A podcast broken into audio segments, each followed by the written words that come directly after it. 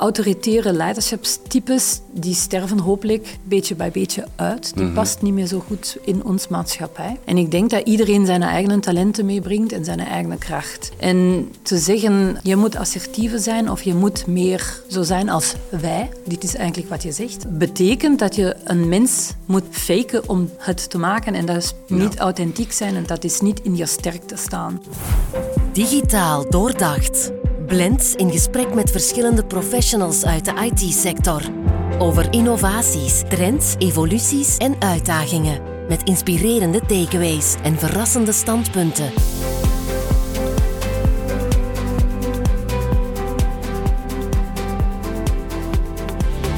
Digitaal doordacht. Een breedhoeklens op de IT-sector. Vandaag en morgen. Uw host Dimitri Stuur. Ik las onlangs iets dat me deed nadenken. De IT-sector is hoofdzakelijk een mannenbastion. Oké, dat is niks nieuws onder de zon. Maar vaak gaan bedrijven op zoek naar nieuwe mensen via hun netwerk. Ook dat weet u. Zo'n 75% van nieuwe aanwervingen verloopt dus eerder via via. Onthoud goed, 75%. Maar wat als je een vrouwelijke werkzoekende bent in die IT-tech-sector? 75%. Ja, en dat netwerk bestaat hoofdzakelijk uit mannen. Weinig kans dat die via via dan ook iets oplevert. En als je dan toch een kans krijgt, behoor je tot een kwetsbare minderheid op de werkvloer. En gelukkig zijn er gedreven mensen die de genderongelijkheid in de IT-tech-sector wel degelijk willen aanpakken, de krachten verenigen en een duidelijke boodschap uitdragen. En dat is waar mijn gast in deze aflevering van Digitaal Doordacht elke dag mee bezig is. Elke dag zeg ik dus Elke Kramer, welkom. Hallo, welkom Dimitri. Elke, jij bent founder van Classity.be. Dat is niet zomaar een platform, dat is een community voor vrouwen, actief in de IT-tech-sector, met als missie? Onze missie is om uh, vrouwen te laten zien dat ze degelijk welkom zijn in de sector en dat er nog heel veel anderen zijn. Dus je had dat net gezegd in de intro dat we een minority zijn in de sector.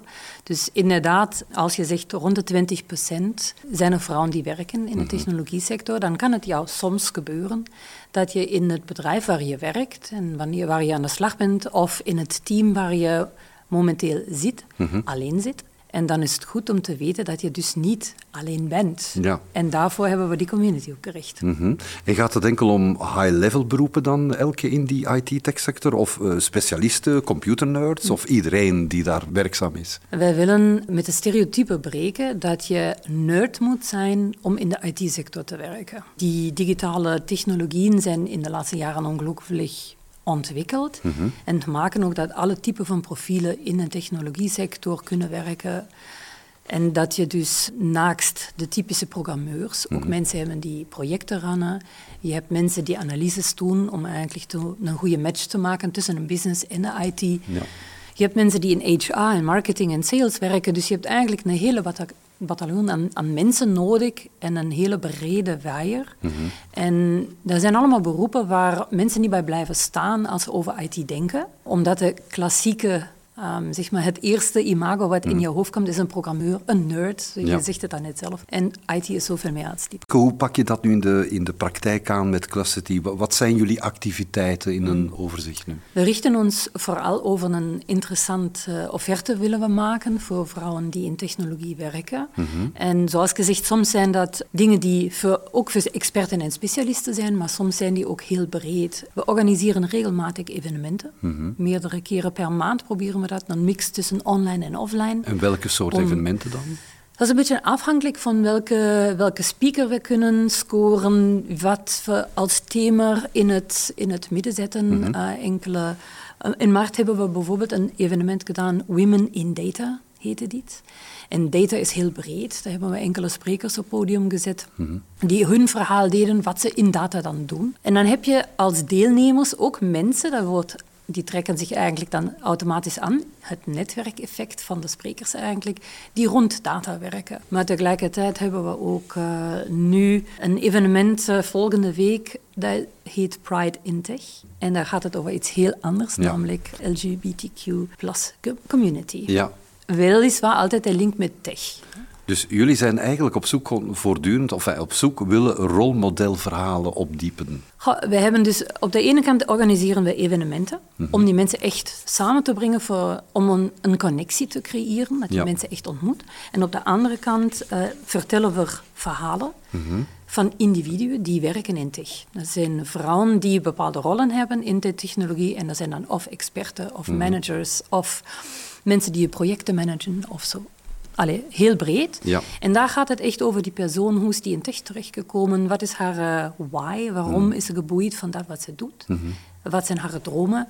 En daar creëren we, als je zo wilt, rollenmodelverhalen om te tonen aan de brede buitenwereld, aan zowel vrouwen en mannen, wat je alles kan doen. En jullie gaan bij Clustity ook aan de slag met bedrijven, met consultingdiensten? Alle bedrijven of zijn er toch voorwaarden? Voorwaarden, ja, er zijn er enkele voorwaarden. Uh, we hebben momenteel echt de, de sector technologie als hoofdindustrie, als je wilt. Dus wij helpen technologische bedrijven om meer vrouwen eigenlijk welkom te heten. Momenteel struikelen sommige bedrijven erin om eigenlijk voldoende vrouwelijke kandidaten te vinden. En wij willen hun helpen aan wat ligt dat eigenlijk. Dus ja. we helpen uh, in een, een soort uh, begeleidingstraject. Kijken we eerst intern, mm -hmm. hoe is die situatie? Wat vinden wij hiervoor? Welke werkpunten kunnen we formuleren? Mm -hmm. Wat zijn ook de doelstellingen op termijn? En dan formuleren we bepaalde acties die daaraan gekoppeld zijn, eigenlijk, om die doelen dan ook op een mhm. termijn te kunnen bereiken. Elke, waar komt die gedrevenheid vandaan eigenlijk? Ik werk zelf al 25 jaar in de IT-sector. Dus is, uh, het was na mijn studies, die inderdaad als uh, sociaal-maatschappelijke werker, denk ik heet dat op mhm. Nederlands, social work, heb ik direct begonnen als account manager in een IT-bedrijf. En heb dan die laatste 25 jaar altijd in IT gewerkt, in mhm. verschillende disciplines, meestal sales en marketing. Maar waar, van waar komt vandaag mijn ambitie om eigenlijk die, ja, een, een maatschappelijk uitdagende vraagstelling te willen veranderen, namelijk vrouwen laten zien dat technologie echt iets is voor hun. Omdat je ook zelf slachtoffer was een beetje? Mm. Of voelde je niet... Ik zou me, ja. ja. slachtoffer is misschien extreem Ja, ik vind het heel extreem. Maar, uh, ik heb heel lang zelf eigenlijk geworsteld met het mm. feit, met mijzelf te identificeren, ben ik wel juist in die sector? Ja, ja in die mannenwereld. hoor ik je thuis, inderdaad. En ben dan over het uh, initiëren van een campagne die ik gesticht heb, Inspiring 50. Begonnen met het thema vrouwen in tech. En ben dan eigenlijk tot de conclusie gekomen, het is niet een vraag hmm. die ik persoonlijk eigenlijk alleen had, maar die heel vele vrouwen hebben. Ja. En dat heeft te doen met het feit dat we dus minority zijn en dat hmm. er bepaalde eigenlijk, uh, fenomenen uit voorspringen. Ja. En dus dat, ja, inderdaad, eigen betrokkenheid, eigen ervaring die maken dat ik bijzonder uh, gepassioneerd ben door het thema. Algemeen zo, is er bij vrouwen elke een, een, een verkeerde perceptie over de IT-tech-sector? Werkt men misschien toch nog vandaag de dag met veel clichés? Of zeg jij, nee, er zijn wel effectief eh, een hoop problemen, zoals bijvoorbeeld discriminatie op de werkvloer? Goh, ik denk, uh, er is heel wat stereotype denken rond technologie. Misschien zijn er ouders of leerkrachten die aan een vrouw of aan een meisje niet zo snel aanraden om technologische beroepen op te pakken, mhm, mhm. maar in andere eh, studierichtingen te gaan. Dus er is degelijk een, een lagere instroom in stemrichtingen van meisjes als dat dan van jongens is. Mhm. Dat is een feit, dat zijn cijfers. Op de andere kant denk ik, er is ook een misperceptie. Je moet niet per se een ingenieur zijn om in tech te werken. Als je kijkt hoe die start-ups zien in elkaar zit, dan heb je meestal twee, drie founders die een bedrijf oprichten. En dat zijn niet per se alles ingenieurs. Ja. Is één bij die is technical en de andere is meer misschien een eh, TEW-student of hmm. iemand die een economisch business-achtergrond heeft, net om die dingen samen te brengen. Dus ik zou denken, dus ja, de technologie-sector heeft voldoende capaciteit voor elk gender om open te staan. Ja. Want het is wel merkwaardig natuurlijk, die genderongelijkheid in de IT-tech-sector. 51% van de bevolking is vrouw en slechts 18% heb ik vernomen werkzaam in de IT-sector. Dus dat is een compleet onevenwicht natuurlijk. Ja, het is een groot onevenwicht, dat mhm. is juist. Um, als je in een bouwsector gaat, is het erger. Als je in een transportsector gaat, is het nog erger. Het is een beetje een, een vraag van perspectief. Ik denk inderdaad dat dat een, een soort, een beetje de geschiedenis is die we meedragen. Dat de ingenieurberoep of technische beroepen minder geassocieerd worden met vrouwen. Maar gezien dat de technologie-sector ook volledig uit het, zeg maar, 20 jaar geleden waren we in een, in een hoekje, dan waren we inderdaad de nerds. En vandaag, vandaag is door de digitale transformatie, elk bedrijf moet technologie omarmen. Elk medewerker moet met technologie in aanraking komen. En ik denk dat dat toch een mindswitch is die ook op termijn ertoe gaat leiden dat er dus meer vrouwen in technologie terechtkomen omdat het open staat. Een mindswitch zeg je Elke, maar waarschijnlijk bestaat er nog altijd een psychologische bias in tijdens sollicitatiegesprekken om het een beetje beeldig uit te drukken, meer M, minder V. Nochtans staat er M slash V bij een vacature. Ja. ja, ik denk dat vele mensen daarvan niet bewust zijn welke bias ze hebben. Dat is eigenlijk het, het verband. Wij hebben in ons gesprekken, horen wij heel vaak, ik zie helemaal niet of het een vrouw of een man is die mij vis-à-vis zit. Mhm. Hetzelfde geldt uh, is, is voor, voor, kleur. Ik zie niet of dat een mens is die mhm. een kleur heeft of niet. Of... Je ziet de mens toekoer. Ja, ja, dat willen die mensen zeggen dat ze de mens toekoer zien, mhm. maar ik kijk jou aan en ik kan nu niet naast jou kijken en denken, je bent geen man. Ik, ik, kan, ik zie dat en ik zie alle mogelijke andere dingen die ik ook nog zie mm. en het doet iets met mij. Ja. En als ik dit negeer, als ik zeg ik zie het niet, mm -hmm. dan open je eigenlijk een soort uh, black box. Ja. Namelijk alle logische dingen die ik nu opeens, alle ervaringen die ik gemaakt heb mm. met dat wat ik zie, die komen opeens en, en geven mij of vertrouwen in iemand, mm -hmm. of maken dat ik een klik voel. Ja, maar dat moet toch veranderen in veel bedrijven natuurlijk. Hè? Jij hangt nu het mooie beeld op van hoe zou het moeten zijn. Ja. Maar het is natuurlijk niet zo. Nee, dat is nog niet zo. En het hangt mm. overal ook daarmee samen dat mensen dan niet mm. bereid zijn of eigenlijk niet zien dat ze zelf een stuk van dit wieleke zijn. Je moet eerst in een spiegel kijken en zeggen, oké, ook ik heb bias en ook ik heb stereotypen die in mijn hersenen zitten mm.